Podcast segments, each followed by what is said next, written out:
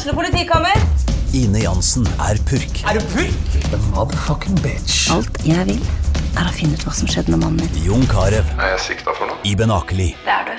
Ole So, Lars Berrum og Big Daddy Karsten. Hvem sin side er du på, egentlig? Anette Hoff, Tone Danielsen, Kommer du fra Afrika?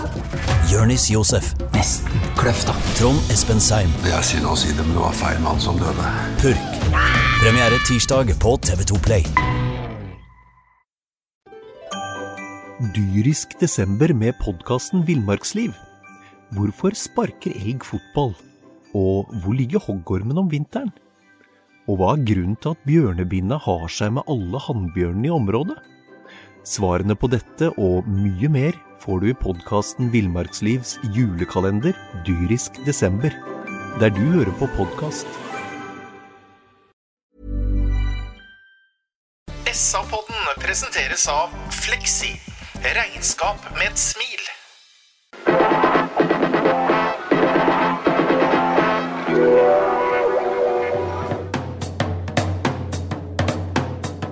Sarpsborg Arbeiderblad gir deg en ny episode av SA-podden med Sven René Nygård, Øystein Weber, Petter Kalnes og Bjørn Inge Bingen Nilsen.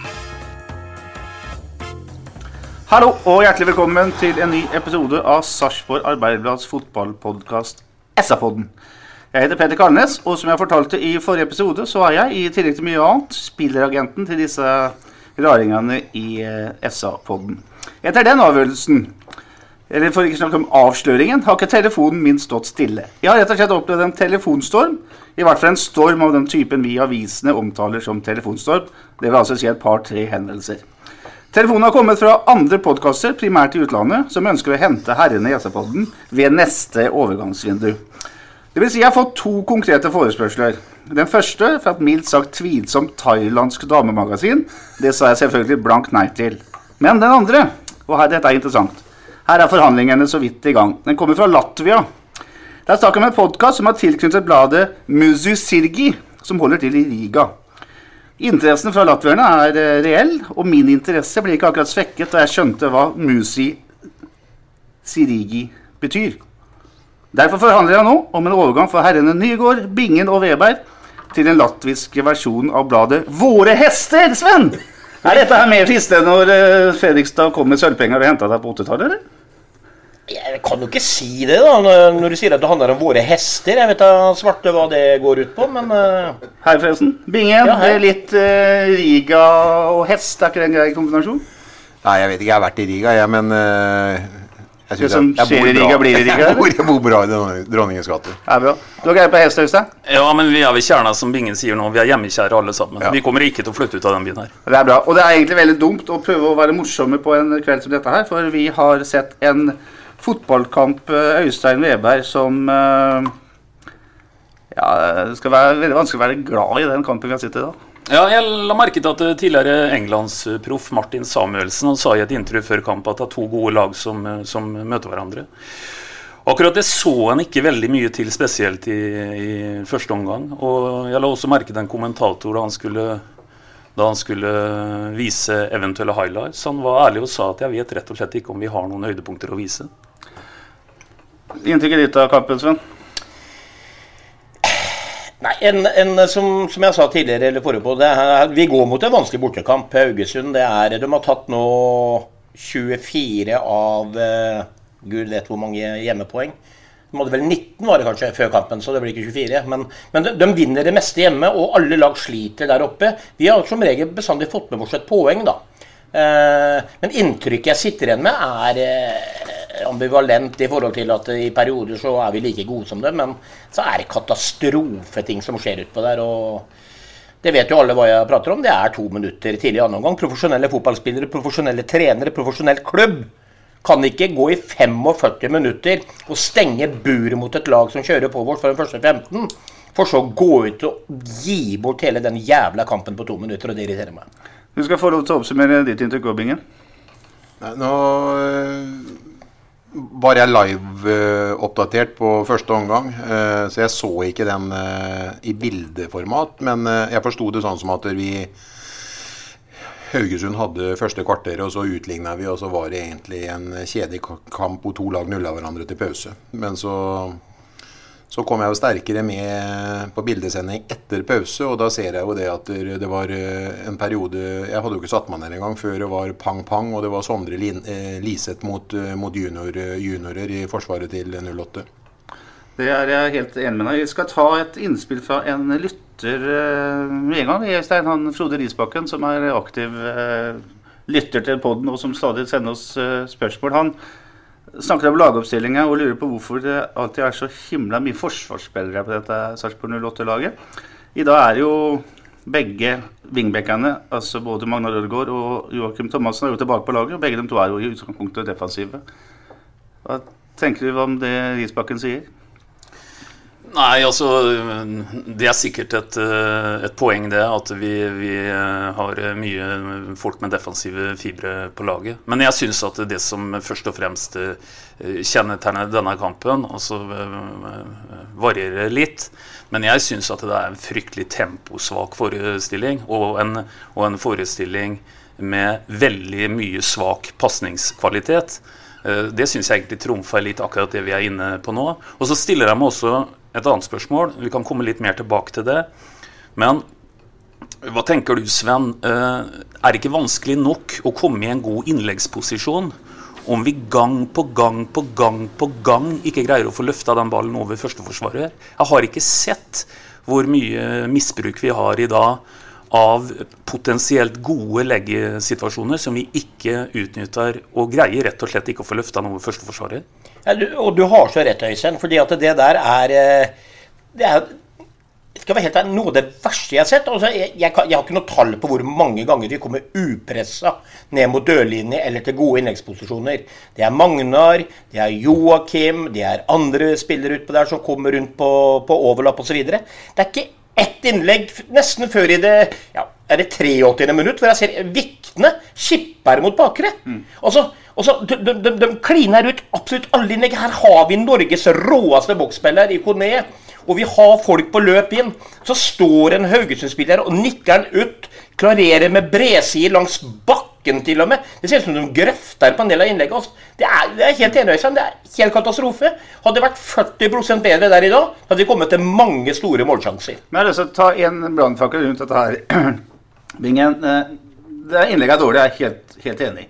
Jeg savner også noe mønster på løpet. Jeg syns at det er det er jo to, tre rom man skal ha. Man skal ha første stolpe, man skal ha bakstolpe, man skal ha den der greia midt imellom. Eh, med to spisser lærte iallfall jeg at ene spissen går på første, andre tar bule på bakre, og så kommer midtbanespiller på en måte inn bakfra.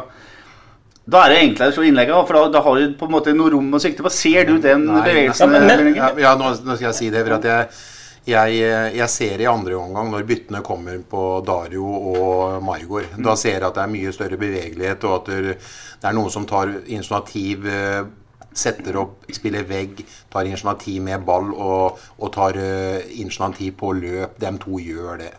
Så det er ikke noe tvil om at de har henta hit til eh, klubben for at de skal være med og kjempe om plasser. og det er klart at de stiller enda sterkere med korta i, til neste kamp. Jeg syns de var to gode, gode innhopp. Og så er jo jeg veldig Ben Karemoko-fan. Karemoko jeg syns det var helt ille at han ble tatt ut etter at han var majestet mot Strømsgodset hjemme på Sarpsborg stadion. Så var han vel kanskje Forsvarets beste spiller. Han, han blir liksom en sånn derre Braveheart-spiller. Han går inn, han får vondt. Han, han, han, er en fysisk tøff spiller, og så er han ikke noe dårlig ballspiller heller. Han klarer å avlevere og slå gjennom ledd, og så har han bra tempo.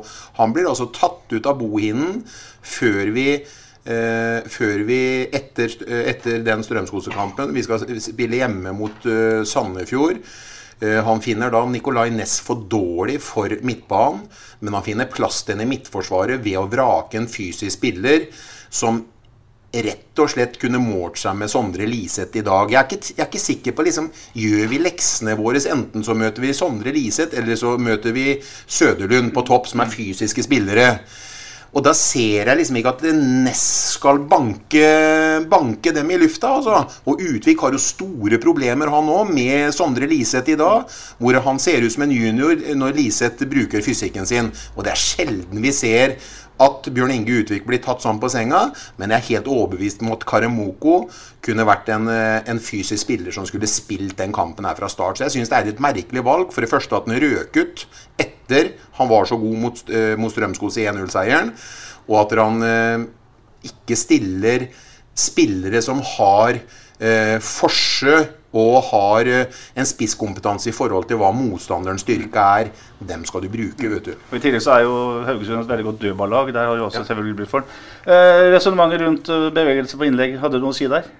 Eh, ja, eh, jeg tenker også det at det er jo utrolig viktig at de løper riktig. sånn at det, men, men, når jeg sitter med sånn følelsen jeg ser at vi kommer ned på linja med Joakim, med Magnar Det er liksom ikke, det er ikke noe ordentlig blikk opp og det er liksom ikke noe det er ikke noe kommunikasjon mellom spillerne. Og det er klart etter hvert, hvis det kommer 37 innlegg som går på første eh, motstanders forsvarer, så blir jo disse løpene også halvhjerta etter hvert. Det, handler, det, er, det er som kjemi mellom to spissere. Vet hvor ballen kommer. Eh, og, starter å få ballen i beina. Så det her er sånn en surrete sak. Og, og, og, det handler jo vel kanskje litt da, Petter, om at eh, begge vingbekkene våre Jeg elsker Joakim Thomassen, jeg elsker Magnar Rødegård. Det er to back-typer. De skal opp i banen og være de som leverer. De offensive spillerne som vi kanskje kunne hatt i posisjonen, hadde kanskje funnet de innleggene litt bedre, for å si det rett ut. Ja, og så tenker jeg Petter, at uh, jeg er helt enig i deg. Jeg har lært fotball på akkurat samme måte i forhold til å komme på de alternative løpa. Men, men uh, jeg syns nesten det blir underordna når, når, du slår et innlegg som egentlig burde vært chippa inn bak i boksen, uh, på førsteforsvareren, og han kan feie den vekk. Der og da er, er det forsøket dødt. Og da hjelper det egentlig ikke om bevegelsene bak han førsteforsvareren hadde vært helt etter boka. Vi får ikke testa det ut. Så i dag så ryker vi rett og slett på altfor dårlig kvalitet på, på innlegget. Bare bryte inn og forsterke det Øystein sier, for de leggene som vi prater om som vi så i dag, som ble hedda ut eller ble klarert ut, de kom som Øystein sier, i posisjoner hvor ikke det står noe i fotballboka om at løpa skal være der. Det er første, det er returrom, det er bakere, kanskje to i returrom. Mm. Alle innleggene kom altså eh, ja, tre-fire meter utafor spissen og femmeteren. Der skal jo ikke løpa komme uansett. For noen år siden ble dette her definert som norsk fotballs største problem, det å slå innlegg. Og det ser ut som det er forsterka i hvert fall i Sarpsborg 08. Før vi går litt detaljer rundt kampen, gutter, så så er det sånn at fotball styres av uh, det som havner igjen mellom uh, disse stengene.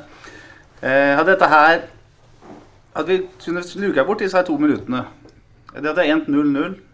Eh, vi kunne brukt, skrevet at vi har sett maling til tørke, men det var, nå var det bra å se maling til tørke. Vi fikk et poeng. Ett, ett poeng nærmere fornya tillit osv. Eller plass. Det er små detaljer her, små, små, marginer. Ja da, det er små marginer. Eh, vi kan ta de to måla. den, den, første den er vel eh, Nesse som har en liten styring på, som setter eh, Anders Kristiansen helt ut av spill. Og den andre går mellom bena på Anders Kristiansen. Og vi har sett Anders Kristiansen redda det med benparader mange ganger i år. Så, så, så, det er små marginer. Men det er som eh, Sven sier, at uh, da er Om ikke løpet kjørt, så blir det en fryktelig bratt oppoverbakke. Altså, når vi får to stykker bakover på ett minutt der. Og da, da blir det veldig vanskelig. Men det virker som om ikke man er uh nå må jeg bare referere til det jeg har sett på stadion denne uka her i forhold til treningsintensiteten. Jeg syns det har vært eh, kamp om plassene. Folk er redde for ikke å komme på laget. Folk er redde for eh, at ikke de skal få spille. De eh, er fysiske i duellspillet. Det har vært spill på to baner. Det har vært veksla vester fra å gå ifra en eventuell startoppstilling, så er du på B-laget, og så er det forandringer igjen. og det jeg har sett liksom på stadionet i dag, det var liksom Eller sett på stadion denne uka her sånn på trening, det var helt helt borte i dag. Mm. Den intensiteten og den duellkraften og den viljen til å vinne for å skulle få lov til å spille mot Haugesund i dag, den var helt borte. Man var eh, temposvake, man hadde dårlige bevegelser både med og uten ball. Jeg syns uh, f.eks. så jeg hører jo skryter av Kone. Jeg har sett Kone bedre enn jeg har sett den i dag. Han har sikkert hatt en tøff flytur hjem og så videre, og vært med på andre ting enn der nede som har gjort at huet hans kanskje ikke var på Haugesund stadion før akkurat idet mm. dommeren blåste i, i, fløyta. Men samhandlinga mellom han og Fardal i forhold til motsatte løp, og hvem stikker og hvem går osv. Jeg syns ikke det var der heller, Sven. Helt enig, Bingen. Eh, Da vil jeg bare Jeg, jeg må bare si at Kone, ut ifra forutsetningene i kampen i dag, hvor han blei veldig mye alene, og jeg føler at Fardal ikke var på. Eh, Så duellerte han. Han vant dueller, han skåra det målet på sin måte, osv., osv. Og og du så at hele Haugesund var redd for Kone. Men hva skjedde med oppsett i dag? Ja, hva skjedde med oppsett i dag? Altså, jeg forstår, og jeg har bestandig syns, og jeg syns for så vidt fortsatt at Oppsett er en fantastisk god fotballspiller. Han er intelligent, han er klinisk, han er alt på en gang. Kommer Molins, han sitter på benken, jeg forstår skuffelsen. Molins blir skada, nå er det din tur, gutten min. Oppsett, hva visste du av vilje i dag i en del av det duellen? Det er min personlige mening. Jeg syns det var daft, det var slapt. Det, han ga ikke nok av seg sjøl i duellene. Kroppsspråk, kroppsspråk, det smitter. Det er min personlige mening. At han i dag ikke var på nok når han endelig får sjansen ordentlig. Det er greit at eh, Fardal Opseth ikke hadde sin beste da fotballmessig, men, men det var noe som Sven sier her, det er noe, han sprer ikke positiv energi rundt seg. Nei, Og det overrasker meg, for det har jeg ikke sett før. Ja, jeg er enig. Det var, en, eh, det var ikke en oppsett sånn som jeg eh, kjenner han så langt. Så i dag var han en skuffelse. Og han spredde ikke mye, mye positiv energi. Jeg holdt på å si like lite som eh, eh, det sprudla på sida heller, i forhold til å skape, skape entusiasme eh, fra sidelinjen, sidelinja her. For det òg syns jeg på en måte eh, er en veldig død kamp i forhold til å, å være aktiv der. Det, det skjer noe helt på slutten, men det er, det er altfor sent. Og, og igjen, vi snakka om å få de to måla bakover tidlig i annen omgang. Jeg synes nesten det som er mer skuffende enn det, egentlig, for det er som jeg har vært inne på, det er små marginer i fotball. Det er jo egentlig det som skjer fra det 47. minuttet og til noen og 80. minutt. Hvor, eh, hvor vi har fått to mål bak, og vi må på en måte nå prøve oss å skape noe framover. Og det er så Jeg syns det er så dødt. Og, og det, det skjer eh, veldig lite før vi får en sånn en eh, liten boost på slutten der med, med en redusering. Og da, da lever jo naturligvis den kampen helt ut. Vi skal komme tilbake til byttene og vi skal gå i detalj på kampen. Men jeg må ta ett tema som jeg tenkte å vente med, Bingen. Men nå spiller Sven veldig opp uh, Fardal Opseth. Vi har sett uh, flere treninger denne uka. Du har sett uh, mange. Du, nesten, du har sett fire, tenker jeg. Ja, tre, ja. tre ja. Der har vi sett formasjonstrening. Vi har sett uh, en uh, Ole Jørgen Halvorsen som spiller i stedet for Kone, fordi Kone da ikke, eh, ikke har vært tilgjengelig på trening. Kommer til match. Eh, Fardal Opseth og Kone spiller selvfølgelig, det er riktig. Eh, Syns jo alle. Så gjør man et bytte. eh, tar ut en spiss. Og da setter man ikke inn på Ole Jørgen Halvorsen, som har trena som spiss hele Når man i tillegg skal jage et mål eller to. Ja. Jeg tenker på liksom den derre Det ble sagt tidligere at de ikke hadde tid til å trene offensive samhandlinger. Sånn, så har de gjort det, da. Og så bruker de andre folk. Jeg, eh, Ole Jørgen er verner om ballen og er flink til å gå i møte og eh, spille opp andre og gjøre andre gode. Han, Ole Jørgen han, eh, han jo, har jo vært benytta som eh, spiss ved siden av Fardal, som du sier, pga. at Kone har vært eh, i Afrikakval. Men han, eh, han eh, er jo ikke i nærheten av å få spille i dag, og det er jo veldig veldig, veldig snålt. Spesielt når vi skal eh, jage eh, redusering og utligning. Så tar vi ut Vi tar heller ut en spiss i tillegg. Så det er ikke sikkert at Bohinen kanskje helt skjønte byttet sitt sjøl eller, eh, eller der, for å si det sånn. Nei, jeg skal komme tilbake til byttene etterpå, som sagt, men det, akkurat det var altså et faktum som eh, lytteren kan vite at uh, man, man bruker på en måte ikke den, uh, den formasjonen som man trener på, da. Sånn det iallfall virker. Eh, fra starta så er jo laget som følger. Kristiansen i mål. Det er Ness, Utvik og Dyrestam i den bakre fireren.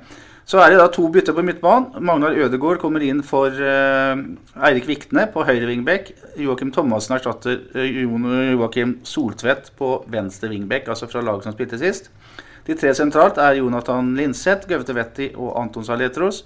Og så er det Fardal Opseth og Ibrahima Kone framme. Det at Viktene og Soltvedt ble erstatt av de to sarpingene, Sven, hva tenker du om det? Nei, altså sånn umiddelbart så Hvis jeg hadde vært trener, så tror jeg vel kanskje jeg hadde gjort det samme sjøl før kampen i dag. Eh, Det er to gutter som vi har skrøtet litt opp i skyene her. Eh, Thomassen tok hansken, Ødegaard har vært stabil osv. Og, videre, og nå var de klare til tjeneste. Så det, det syns jeg er eh, veldig greit. Så kan man diskutere, som jeg sier, det som jeg var inne på i stad, at det, Dette her er god gamledagse backer. Eh, type Magne har også litt stoppere. Men de er, de er fulle av defensive fiber, selv om begge to klarer en del offensive ting. Så er det jo klart at når man spiller 3-5-2, så blir det 5-3-2 defensivt. Og det òg syns jeg er en svakhet i laget vårt. Når vi blir trykka sånn som i de første 15 minuttene i dag, så er det 5-3-2, og det er helt greit. Men når vi vinner ballen, så må vi omstille fra 5-3-2 til 3-5-2 og kjøre på motstanderen. Men det evner vi ikke. Der går omstillinga altfor seint. Ja. Og det handler også kanskje litt om at de to gutta som er gode defensivt, de er defensive i utgangspunktet. De har ikke de overstegsfintene å komme til linja og, og, og det som andre moderne kanskje har da. Uten å si noe gærent. Jeg er glad i gutta. De gjør en grei jobb, dem. Men det er liksom status. Ja, og det her er jo, Hvis du tar ikke parallell til et system som, som uh, Sarpinger så mye fotball tidligere er kjent med, det er Rosenborg 4-3-3. I Europa i hvert fall så var det jo klink 4-5-1 uten ball. Eh, For ellers har du ikke sjans i Europa. Men det, er, det var det Eggen var så god på, at når man vant ballen, da, så skjedde det noe. Da ble det 4-3-3 også ute i Europa. Ja, men, det, det, er jo liksom men det dere snakker om nå, vet du, det understreker jo bare ytterligere det poenget med pre, at vi må være presise når vi kommer i innleggsposisjon. Mm. For, for uh, det er riktig som du sier, Sven, at vi i litt for liten grad evner å omstille og komme rundt på kant osv. Men, men vi legger jo også angrep, angrepet dødt når vi kommer i innleggsposisjon og slår i førsteforsvarer og han kan feie den unna. Så, så da blir det jo bare enda mer viktig å ta vare på den muligheten vi får når vi kommer rundt på Ja, men kant. det er jo en gang sånn at man kødder med den som fotballspiller. Når det kommer en midtstopper alene med keeper en gang i karrieren, så grøfter han liksom. Altså, han skårer jo ikke. Altså, de, de som er spilt defensivt i alle, alle år, de er jo utgangspunktet defensive. Og jeg sier ikke at Joakim og Magnar ikke kan legge bra innlegg, men nå for tida så gjør de ikke det. Har du andre spillere som er litt mer offensive fibre i kroppen, så er det en større sannsynlighet selvfølgelig for at den sitter klistra på panna til Kone. Sånn er det bare. Ja, Så må vi jo ikke da undervurdere nå da Nå var eh, Molins med i to kamper og bidra, var med som sterk bidragsyter til, til, eh, til to seire. Og jeg, Det virka som Anton Saletro sprudla med Molins. Eh, vi kan se den når vi erobra ballen, spesielt i siste kamp, hjemmekamp mot, eh, mot uh, Sandefjord. Og hvordan vi da omstilte, og hvordan vi spilte direkte i lengderetning. For meg nå, Sven, så blir det eh, altfor mye tid som vi taper, og motstanderlaget klarer å omstille seg defensivt, slik at de klarer å lokke dem lomma for Magnar og, og, og Joakim når innleggene skal eh, komme. Fordi at vi ikke klarer å omstille fort nok. Fordi at ikke vi klarer å slå ballen i lengderetning, Ja. som vi gjorde med Molins på laget når han gikk, gikk, gikk ned og bød seg fram. Og hvordan Saletros, Molins og Kone gjorde det. Og det var det vi trodde at Fardal Opseth hadde, i seg, men som han ikke klarer å hvert fall få ut når han får mulighetene, eller han ikke tar sjansen og viser det helhjerta som han skulle gjort eh, i Haugesund i dag. Det er veldig tydelig det de sier her etter 2-0 der, da Haugesund trekker seg tilbake. Og da står bare Sarpsborg 8 og duller med ballen uh, altfor mye på midtbanen. Jeg er helt, eh, helt enig.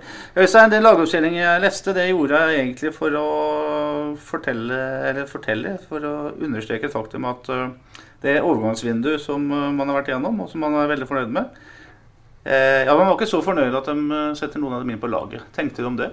Jeg syns i utgangspunktet at det er rart. For uh, i mitt hode så må det være sånn at premisset når vi handler uh, spillere nå i det siste overgangsvinduet, det er at det er, det er Altså hvis du treffer det, uh, målet på om du har truffet, det er at de går rett inn på laget og hever laget. Og, og det er ikke så veldig mye som er, er fasit med to streker i fotball, men én ting er at hvis du ikke er i en elver, da går det ikke samtidig an å definere at du har heva elveren. Det skjønner alle. Så, så jeg etterlyser at, eh, at en eh, Maigård eh, skulle gått rett inn på laget. Uh, og en, for så vidt også en Dario uh, skulle spilt. Det går mer på den logikken jeg er ute etter nå, i forhold til at en har brukt ressurser nå på å hente dem. Og for nå står vi Og så skjønner alle at det var fryktelig trist at Molins nå er ute i mange uker osv. For han har jo virkelig vært en bidragsyter. Men, eh, men eh, jeg håper at eh, spesielt de to nevnte, Maigård og Dario, skal spille mye utover. Men klar, Hvis jeg skal være litt, litt vanskelig med deg nå, så må du fortelle meg hvem av, Avetti, Vettis, Aletros og uh, Linseth du hadde tatt ut. da. Jo, men, men Ja, Etter 5-0 mot uh, Sandefjord. Ja da, og, og, og du, du er ikke noe spesielt vemmelig med meg med det. Mitt poeng er egentlig bare at, Eh, Da må en i hvert fall ikke dobbeltkommunisere. Da kan en ikke både si at en har henta folk som hever eh, laget, og så samtidig starte med dem på benken. Den ligningen går nemlig ikke opp. Tenker du, Sven, eh, skal nykommere som man er fornøyd med, inn på laget, og på bekostning av dem som har gjort en god jobb eh, i foregående kamp? I hvert fall hvis, eh, som Øystein er innpå her, at man har henta fornøyd med overgangsvinduet, henta forsterkninger som har spilt internasjonalt osv.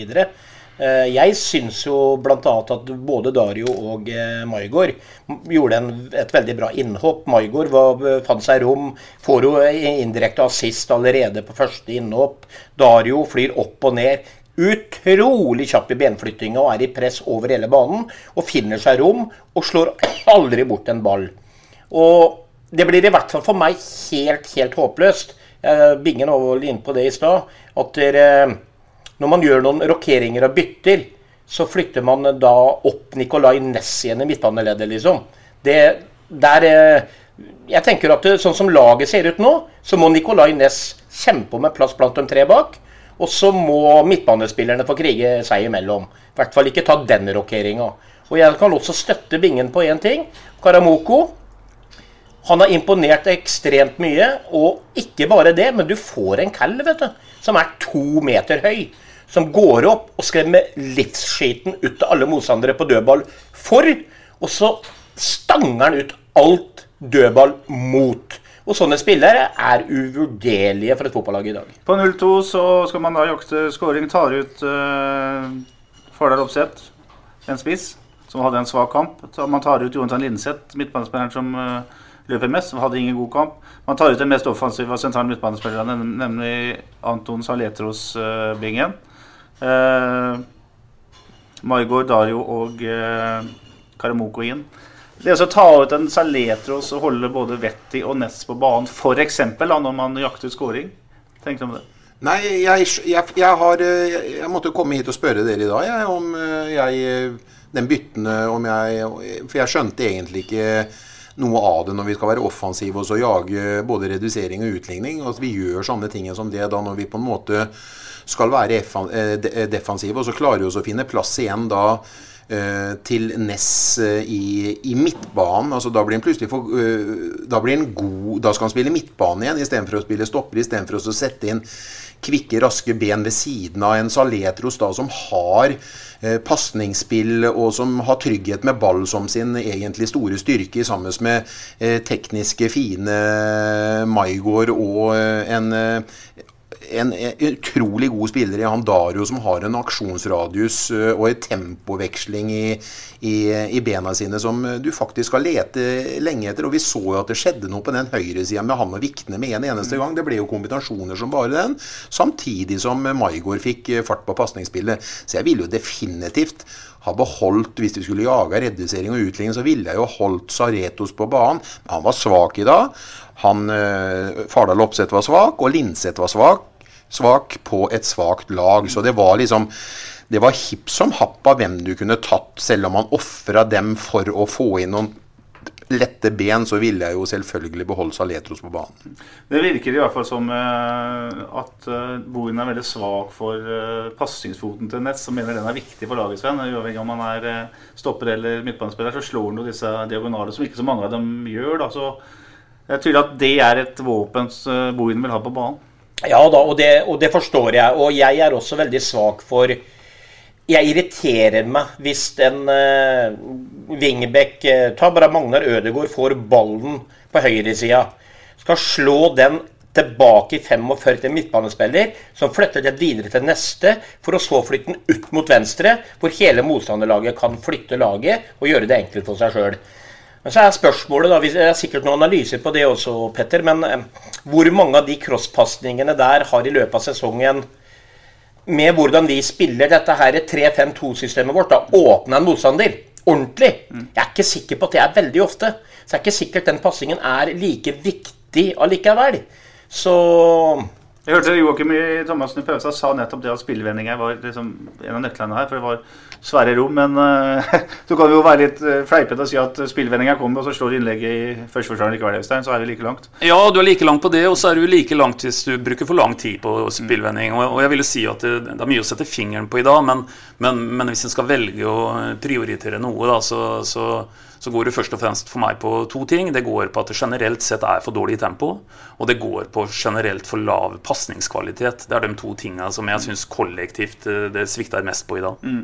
Og Hvis vi går gjennom matchen litt i, litt i detalj, så er det jo sånn at Sarpsborg 8 får et voldsomt trekk eh, mot seg fra start av. Overraskende stort eh, press fra Haugesund, som eh, Sarpsborg 8 er knapt nok ute av eh, egen banehalvdel i første første kvarteret. Etter 14 minutter så har eh, Oppsett sin, Fardal Oppsett sin eneste sjanse. Han eh, er eh, framme på en corner på første stolpe som han skyter rett i en Haugesund-spiller. Hadde sannsynligvis gått på utsida, men det var en forholdsvis stor sjanse. 33 minutter har jeg notert at Kone har en lekker brasse som går over mål. 42 minutter så har Linseth en heading over mål, en svak heading. Og så har Oppsett også et skudd fra skrått hold som går over mål. Han mener sjøl han er via keeper, men det blir ikke noe corner ut av det. Så er han vel ikke det.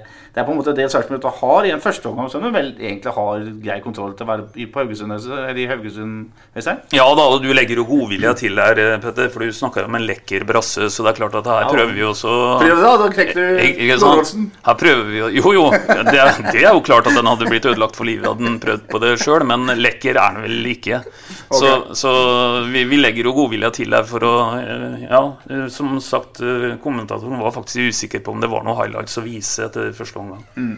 Det, er, det er, helt riktig. Begge lags spillere og trenere som blir trua i pause, er jo enige om det. Dette her var dårlige greier. Så gjør Haugesund et bytte. De tar ut Suleman Boyang i pausa, som fikk sjansen på høyre bekk. Eh, Bojang eh, var vel som han eh, var i 08, Sven. Kom eh, villig, men det blir ikke så mye ut av det. Nei, og de var jo rett på der og begrunna jo byttet eh, på intervjuet der med at de ville ha mer kvalitet på innlegg. Mm. Eh, og det har vi jo prata nok om ja. i forhold til sluttprodukt. Eh, så det var nok en litt sånn eh, Det var, var sikkert ikke kult for Bojang det der heller, å bli tatt ut For det er ikke ofte å bli tatt ut i en omgang hvis du ikke er skada. Men det er klart, 08-gutta, beklager gutter, nå hoster jeg, det er lenge siden. Eh, det, det er Bojang har jo hatt det problemet hele veien, og det er jo liksom det som er hefta han. Eh, som bris i Sandefjord, ikke sant. Og du, du, blir ikke komplett før du har det meste, så ja. ja. Eh, og så kommer det et par skjebnesvangre som har vært så smått innom. Det første er Alexander Stølås, som skyter eh, et skudd som går via Nikla Næss, som kaster seg inn med ryggen eh, bak en først eh, for å dekke et skudd. Eh, kanskje ikke så mye annet han kunne gjort, men det går iallfall via Næss og i mål. Bjørten dekka det skudd på en annen måte, mener du? For det første må du jo se på ballen. Da. Ja. Skallesnudd bak en til? Nei. Og så hvis du vil eh, prøve å dekke en, så prøv å ikke hive ut et ben sånn så du kan liksom skade det enda mer ved å få en retningsforandring. Prøv å få kroppen bak. Jeg syns det var eh, akkurat den kunne gjort annerledes, ja. Nei, jeg syns ikke det var bra i hele tatt. Nei, du går ned som en hockeyspiller og dekker skudd? Ja, absolutt. Se åssen Utvik og se åssen Karemoko, se åssen de går ned og gjør det, så skjønner du egentlig at du skal dekke det på en helt annen måte. Mm. Dyrisk desember med podkasten Villmarksliv. Hvorfor sparker elg fotball? Og hvor ligger hoggormen om vinteren? Og hva er grunnen til at bjørnebinna har seg med alle hannbjørnene i området? Svarene på dette og mye mer får du i podkasten Villmarkslivs julekalender dyrisk desember, der du hører på podkast. Han går iallfall via eh, Ness og setter Kristiansen i litt sjakkmatt. Og så er det en eh, situasjon et minutt etterpå der Sondre Liseth eh, dytter vekk eh, Bjørn Inge Utvik. Uh, reporteren eller kommentatoren på TV han spekulerer i at Utvik nettopp har fått et kort, så han er redd for å gjøre noe. Men dette er innenfor 16 Jeg syns ikke det er, en, det er noe særlig interessant argument. men det er vel Utvik litt uh, småguttsvenn. Det er ikke så ofte vi ser. Nei, og, men, men, her er jo det er, det er, jo ikke bare Utvik. Altså, se på den langpasningen der. Mm. Det er forsvarsspillet i forkant her òg, hvor de altså, Jeg hadde jo hata meg sjøl, jeg husker ikke hvem det var i første duellen der, men som ikke klarer å beregne ballbanen, ikke sant? Som går over huet på meg, spretter forbi, og så må Utvik ut på den turen. Og så er det jo Anders, han er jo på halv distanse òg. Han kan jo enten være enda mye tidligere ute og kanskje ta han inn i 16-meteren, eller så blir han på streken, og da vil jo han mye større mulighet til å redde det skuddet der, som er eh, litt pressa for Liseth. da. Så her var det jo en, et surr bare surr av drittforsvarsspill hele veien. Og ja, Liseth er sterk, og Utvik vinner de fleste duellene, men uh, akkurat at uh, Utvik tapte den duellen der, er ikke den største krisa for meg. Det er alt som skjedde i forkant og i etterkant. Men Ikke organisert, da? De er ikke voksne. Nei, nei, nei, jeg var ikke på jobb i hele tatt. og så er også Utvik utvikla på feil side av ballen i forhold til mål. ikke sant? Så han blir liksom døtta vekk i vekk av situasjonen. Så Ja, er de det var ikke våkne i hele er tatt. Eh, la oss eh, si hva som skjer fra Liseth eh, skyter, da, Bingen. Eh, Benstillinga til Kristiansen, hva gjør han feil, syns ja, du? men jeg syns uh, kanskje Jeg vet ikke. øh, Var ikke noe heldig I, i, I dag er det to keepere som ikke er matchavgjørende, for å si det sånn. Det er uh, så enkelt at han øh, Selvik heter vel Haugesunds keeper. Vel, han henger ikke i kryss og vipper den over tverleggeren og er ikke i stolperota og får en utafor, eller og får en heldig en i brystet som uh, han bare ikke får opp hendene på, eller noen ting. Og Anders Kristiansen, som vi har sett så god og så matchavgjørende i, for oss i mange kamper i år, hvor han har redda, jeg vil si, uh, redda poeng for oss noen ganger.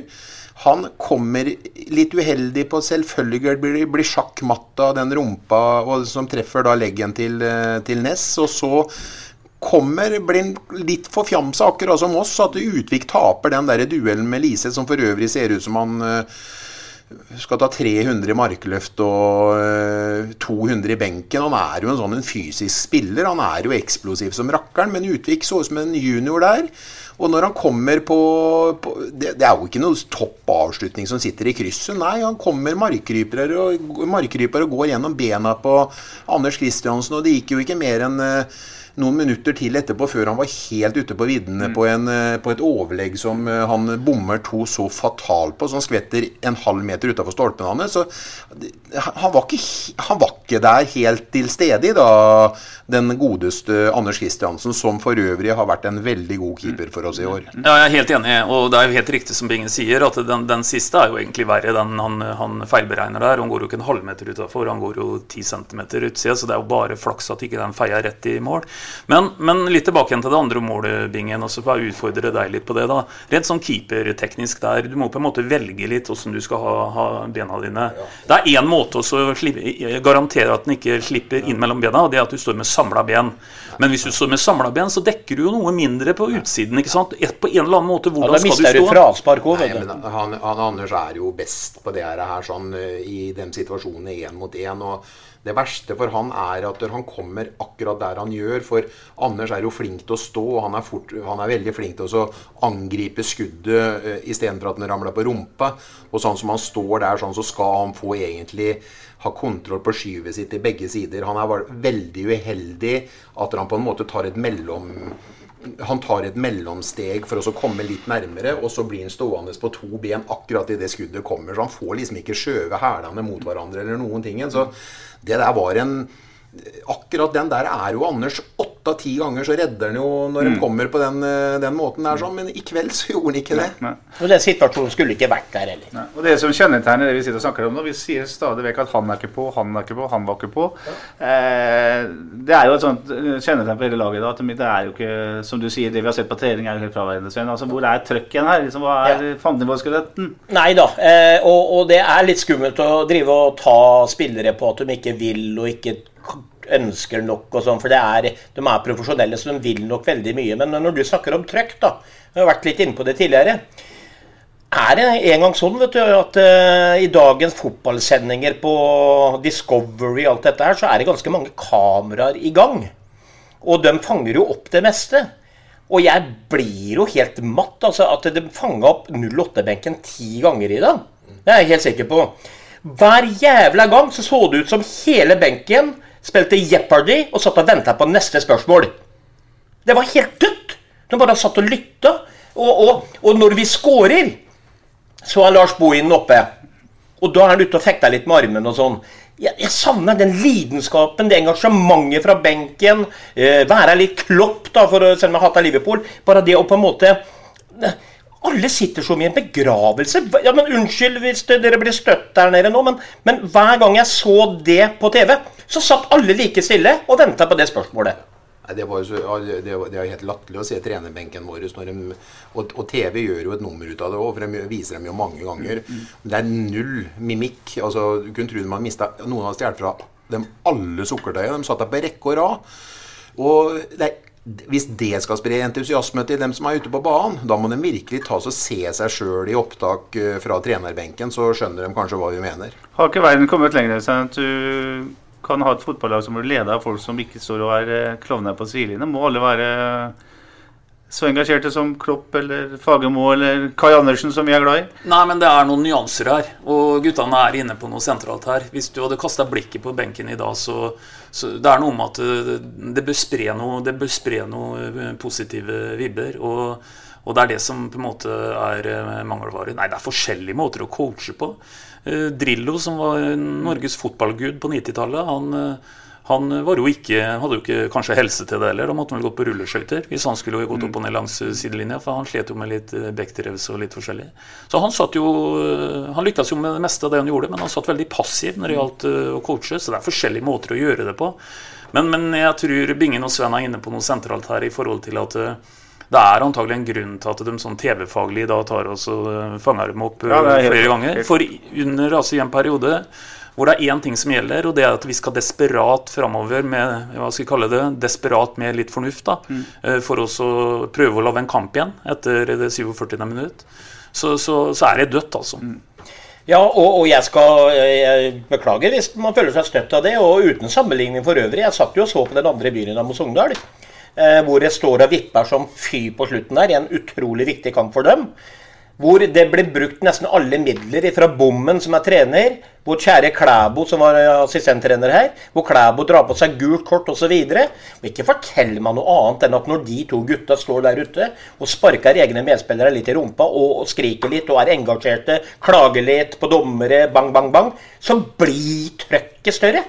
Også Det er sånn menneskehjernen funker. Også Det er ikke noe å diskutere. Og jeg er helt enig med at man ikke skal være en klovn. Men for å forlange fullstendig lidenskap av egen spiller, så må du sjøl vise lidenskap som leder. Du må gå ut der og vise gutta at jeg er like opptatt av dette her med kroppsspråk, med, med verbale ting, som du forlanger av den spilleren utpå der. Det er i hvert fall, i hvert fall sånn har jeg vokst opp som idrettsutøver. Eller var. Og på 0-2 Øystein, så er det mye tid igjen. Mye fotball skal spilles. Eh, Det er jo da man skulle hatt noe lidenskap både på bane og på benken. Men eh, sånn som du sa i stad, det er vel i den perioden der fram til Kones heldige skåringer i 83. minutt at det er ordentlig ille.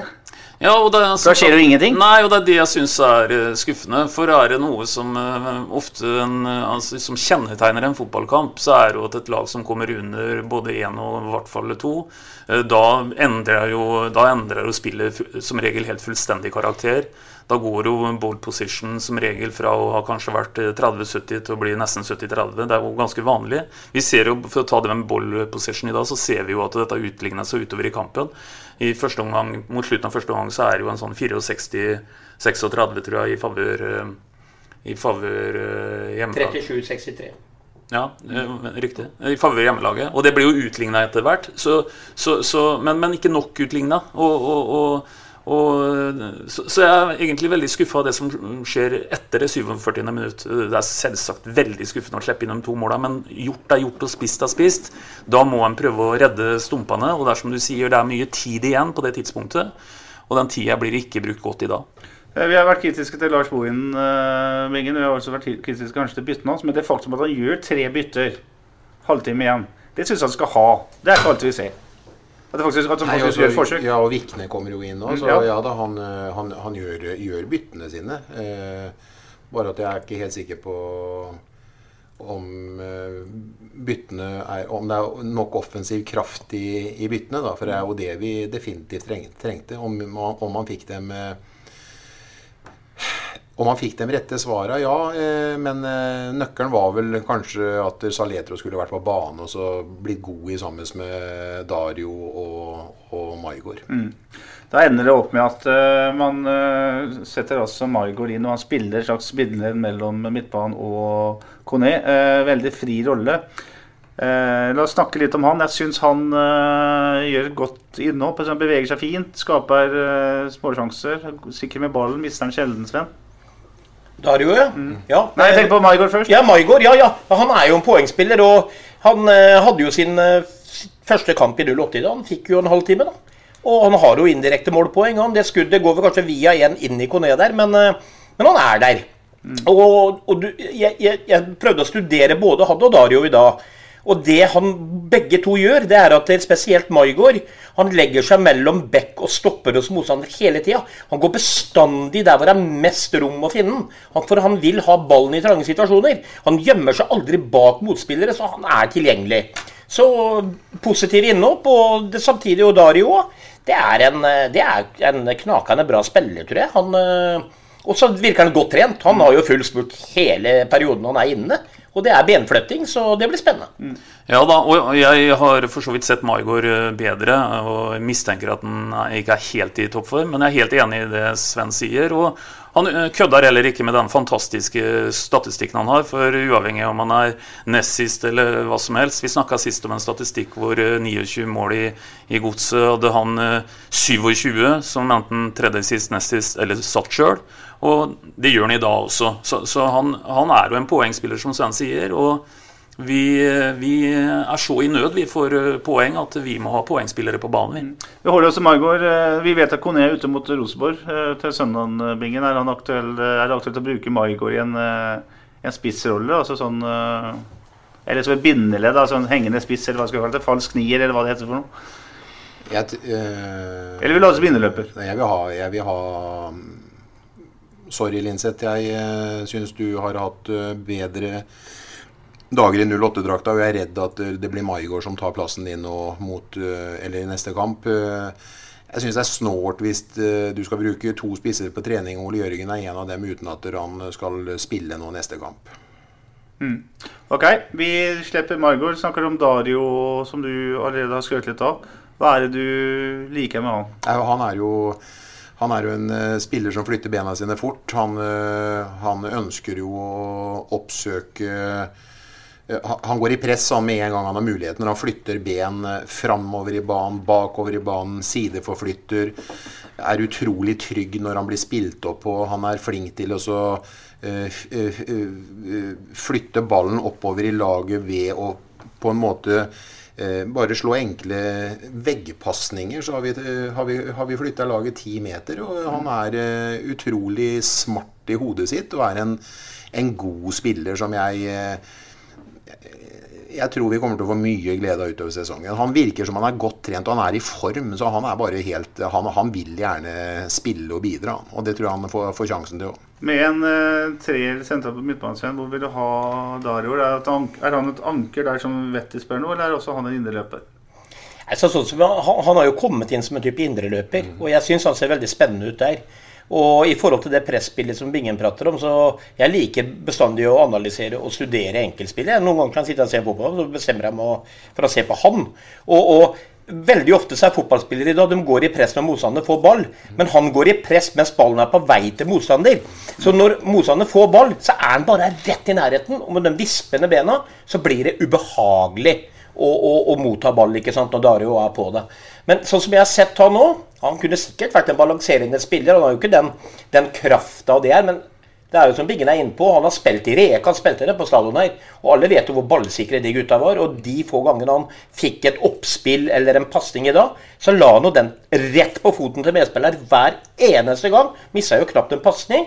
Så ha, og så har han benflyttinga, og han kom på overlapp og kom til dørlinja. Jeg så han tok seg til huet, og det var kanskje noe av det eneste bra innlegget vi så i dag. For han prøvde å slå en knallhardt markkryper fra mellom 16 og 5-meteren. Mm. Hadde den ikke kommet på tåspissen og ut til corner, så hadde han halvt vært mål. Så han, eh, han må vi verne om. Eh, jeg kan også være veldig tydelig, Petter. For selv om vi hadde en Gaute som hadde jeg vil kalle det en litt sånn uinspirert kamp i dag, så syns ikke jeg vi skal eh, kødde med de greiene der nå. Gaute skal spille sentralt i Sarpsborg. Ja. Uh, og, og, det skal mer enn en halvdårlig prestasjon eh, sammen med mange andre i dag. Det er ikke noe spesielt på Vetti på noen måte. Til at han ikke skal spille sentralt til neste gang. Så eh, eh, Vetti er den første jeg skriver opp på, på laget mot Rosenborg hjemme. Sentralt. Ja, da har vi eh, Vetti sentralt, og vi har Dario og eh, Margot som inneløpere. Så da skal vi se hva det gjør med Saletros og Linseth. Det er eh, mange om beinet. Men en Saletros, altså, hvor er, altså, hvem av de gutta her, hvor dårlig defensivt er de? Altså En, en Saletros som en wing, eller eh, i, i, være den som er bak, som skal komme opp som den wingbacken, da. Istedenfor å være den kantspilleren i utgangspunktet. Og så, sånne ting må man begynne å tenke på da. Hvis man, hvis man skal få vekk litt mer defensive fibre, så må noen av de offensive fibrene tilegne seg litt mer defensive, men beholde de offensive. Det er også en tanke, selvfølgelig. Ja. Rosenborg hjemme, så er det jo Da må man balansere det der. For man kan verken uh, være for offensive eller for defensive, for det, det blir et trøbbel. Vi må ha en, uh, ha en balanse. Uh, vi opplever at vi har en kar nå som allerede før det har plassert 20 matcher, Øystein, har ni skåringer. Uh, Ibrahima Kone begynner å nærme seg en sånn uh, Kan fort bli en sånn all time-greie i, uh, i Sarpsborg 8s historie når det gjelder Eliteserien. Ja, det tror jeg fort han uh, kan gjøre. Nå syns jeg det er fryktelig irriterende det som skjer på overtid, da, med at han pådrar seg karantene mot Rosenborg.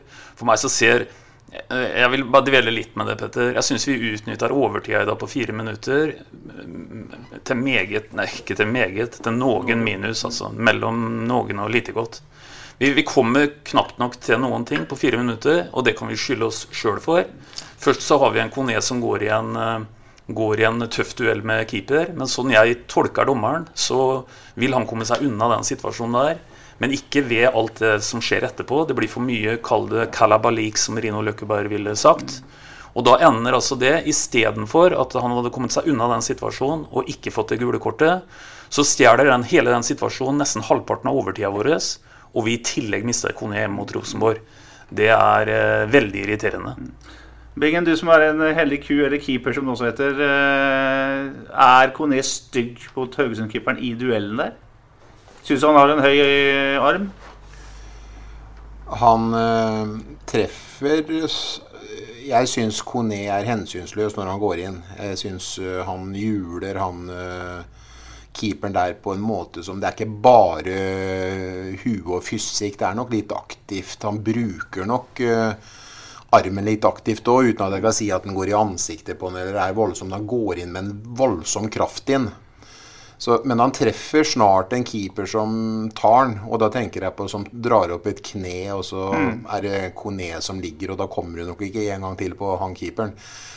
Han øh, er hensynsløs mot seg sjøl, og han er hensynsløs mot keeperne. Jeg syns han går vel hardt inn i den, men at det, skulle bli noe gult kort, at han skulle prate seg på det gule kortet og er helt uforstående til at det ble angrep på keeper, det syns jeg var øh, tafatt gjort av Kone. Du syns egentlig han kunne fått kortet for hendelsen? Nei, jeg synes, ja, ja, Han behøvde ikke det, men han er hensynsløs. Det er jo ikke første gang vi ser at han, han kommer i situasjoner med, med keepere. Men uh, han er røff, uh, han er tøff mot seg sjøl, og han er hensynsløs uh, mot, mot, keeperne. Men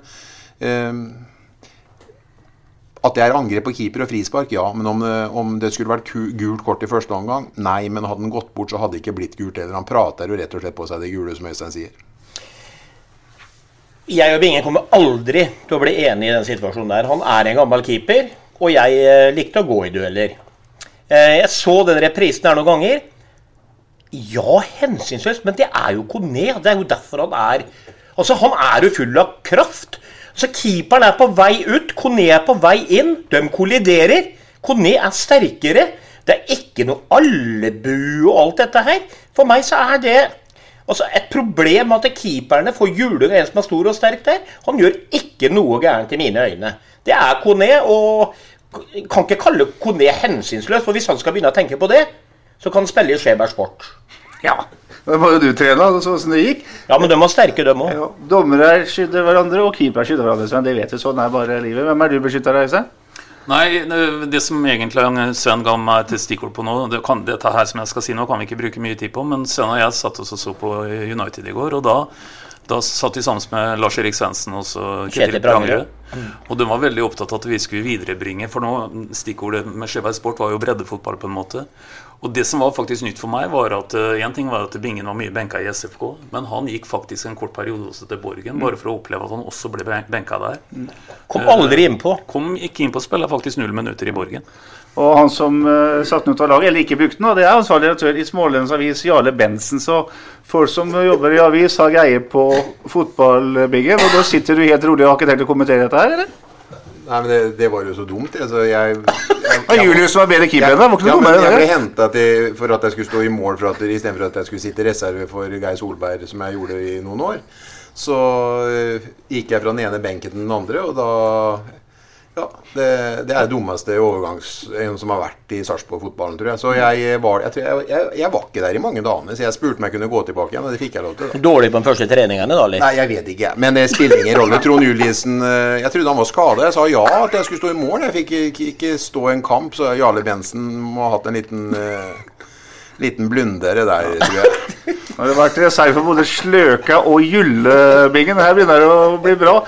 Eh, nå kan vi nærmer oss uh, slutten. Skal vi gidde å preke om det som har vært et tema denne uka, nemlig kunstgressituasjonen på Sarpsborg stadion, eller skal vi la det være? Nei, jeg gidder Ja, nei, la det ligge så Ja, lenge. vi, vi, jeg tror vi kommer til å få rikelig anledning til å ta opp det ved en De spilte jo på gress i dag, jo. Vi spilte på gress i dag I dag. spilte spilte tett igjen for Rosenborg, og de hadde naturgress. Ja.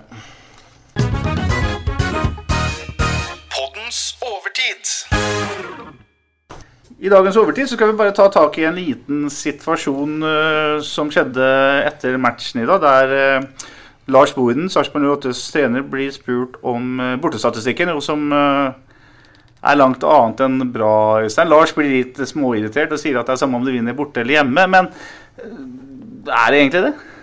Ja, altså Han har for så vidt et poeng at tre poeng er tre poeng, men, men hvis han syns det er rart at en journalist har fokus på, på borteformen til 08, så er ikke det rart. Da, da, det, det må han jo bare finne seg i at det spørsmålet blir stilt. For faktum er nå at på de fire siste bortekampene så har vi null poeng og 3-11 i målforskjell. Og det er, eh, det er sånn at vi har ca. dobbelt så mange poeng hjemme som vi har borte.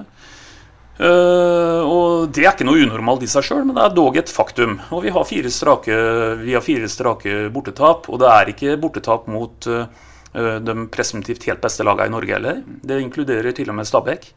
Så Lars Bohin må finne seg i at, eh, at han blir målt på det òg.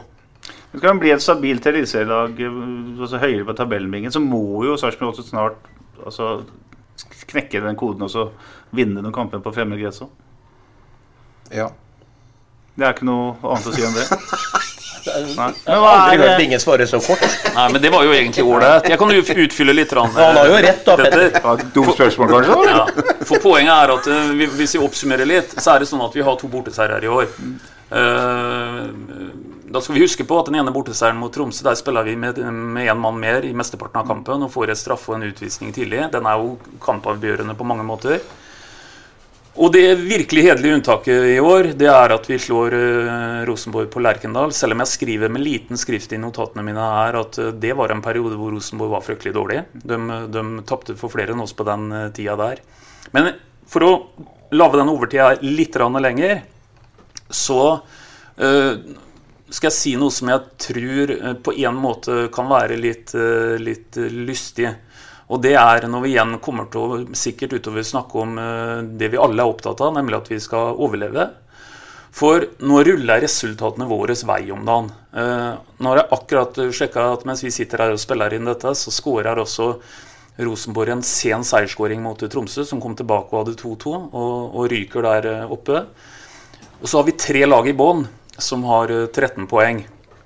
Og det betyr at uh, hvis vi holder oss unna de tre lagene i bånn, så, så spiller det ikke noen rolle hva vi gjør.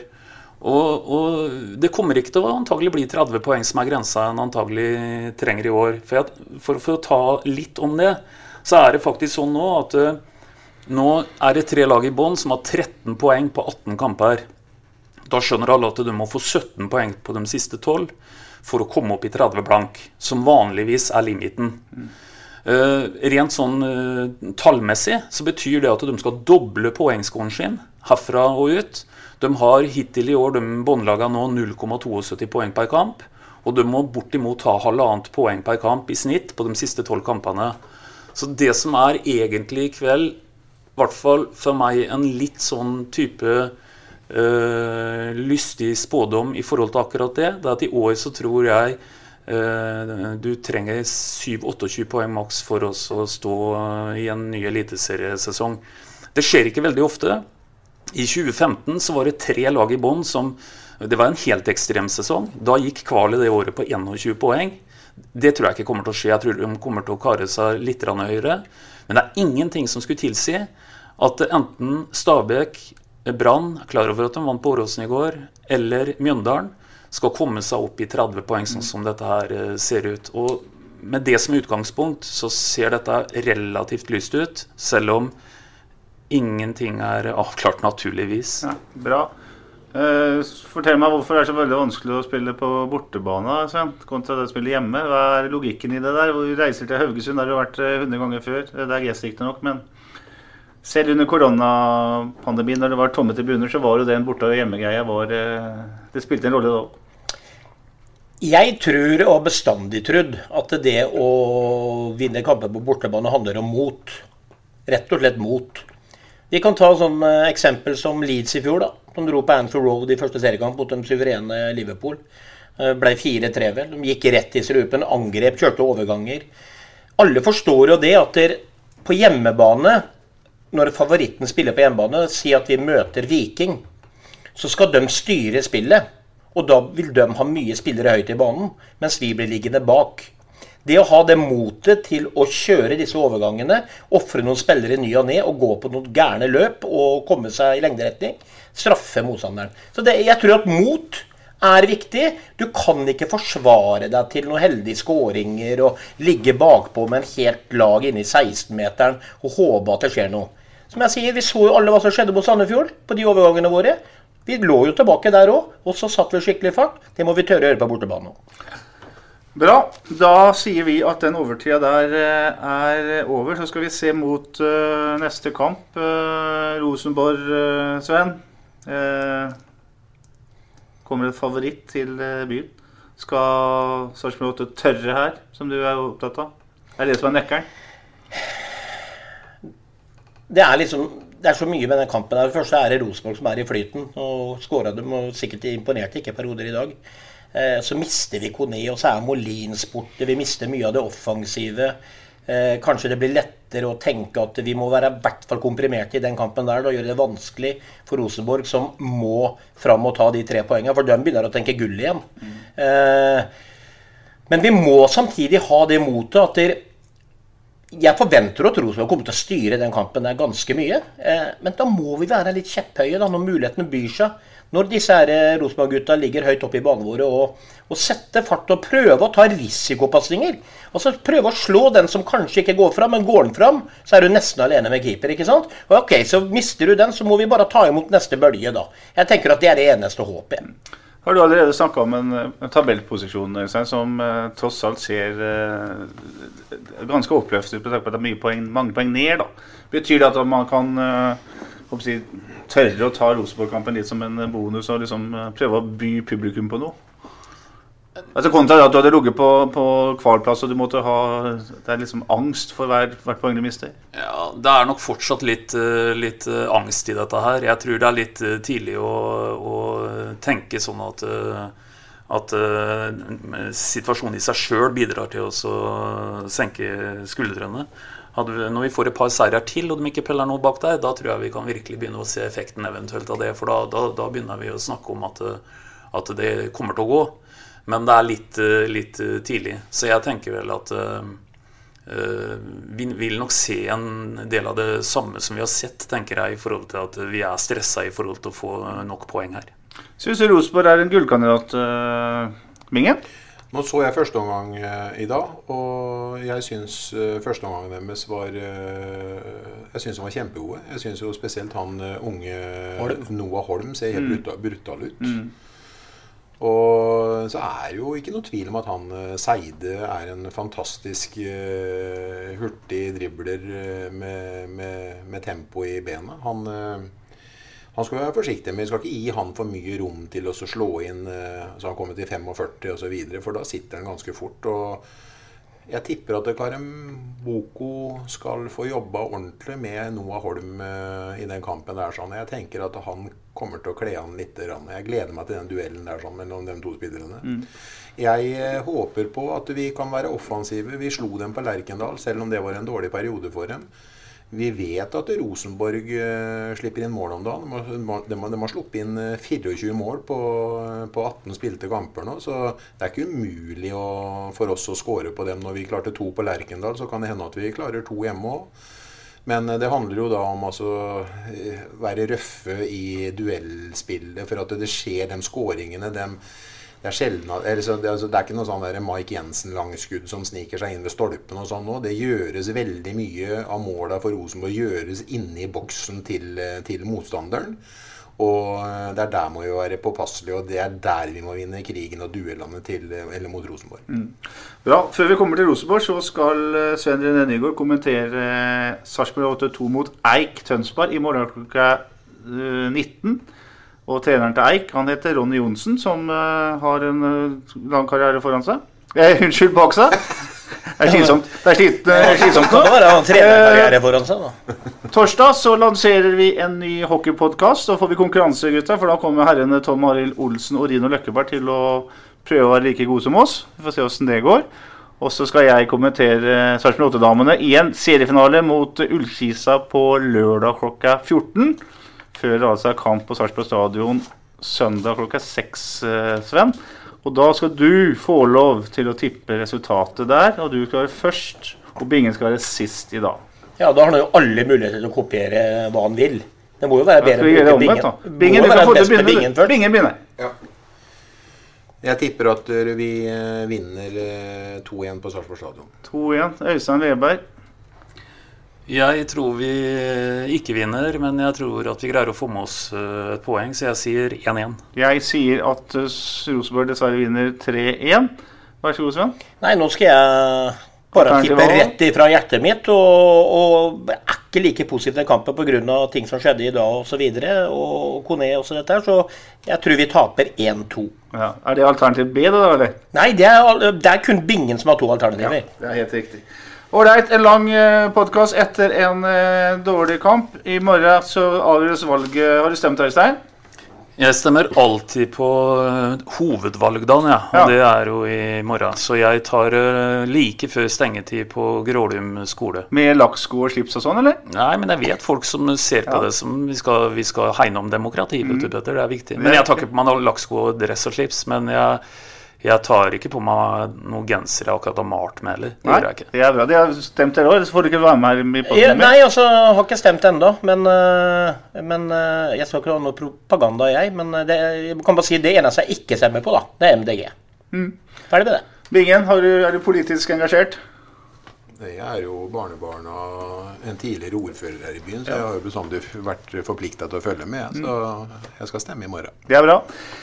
Fram til det så skal vi lese bladet Våre hester på latvisk, som altså heter Muzirgi. Og så sier vi på latvisk at vi prekas. Vi, vi prekas. SA-podden presenteres av Fleksi. Regnskap med et smil.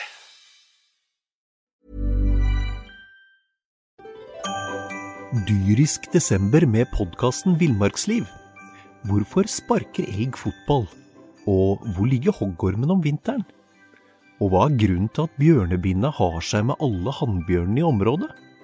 Svarene på dette og mye mer får du i podkasten Villmarkslivs julekalender dyrisk desember, der du hører på podkast. Ukens annonsør er HelloFresh.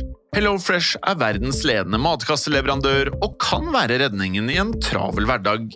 Mange av oss har nok vandret i butikken både sultne og uten en plan for middagen, som ender med at vi går for de samme kjedelige rettene gang på gang. Middag burde være dagens høydepunkt. Som HelloFresh kan du nå velge mellom 25 ulike retter hver eneste uke, eller få HelloFresh til å sette sammen menyen for deg. Dette gir deg muligheten til å prøve nye og spennende retter alene eller sammen med familien. Du velger antall porsjoner og får alt levert på døren på et tidspunkt som passer for deg. Oppskriftene er enkle, og maten er lett å lage både for store og for små. Ved å få alt levert hjem får du også mer tid til å dele matgleden med familie og venner. Kanskje det frister med asiatiske tacos eller greskinspirert kylling? Da kan jeg anbefale deg om å gå inn på hellofresh.no. Her kan du bruke koden FOTBALL og få opptil 1779 kroner i rabatt på de første fem matkastene hvis du ikke har prøvd Hello Fresh tidligere. Du kan også bruke rabatten hvis du har vært kunde og stoppet abonnementet ditt for tolv måneder siden eller lengre. Gå inn på hellofresh.no og bruk koden FOTBALL. Har du et enkeltpersonforetak eller en liten bedrift? Da er du sikkert lei av å høre meg snakke om hvor enkelt det er med kvitteringer og bilag i fiken, så vi eh, gir oss her, vi. Fordi vi liker enkelt. Fiken superenkelt regnskap.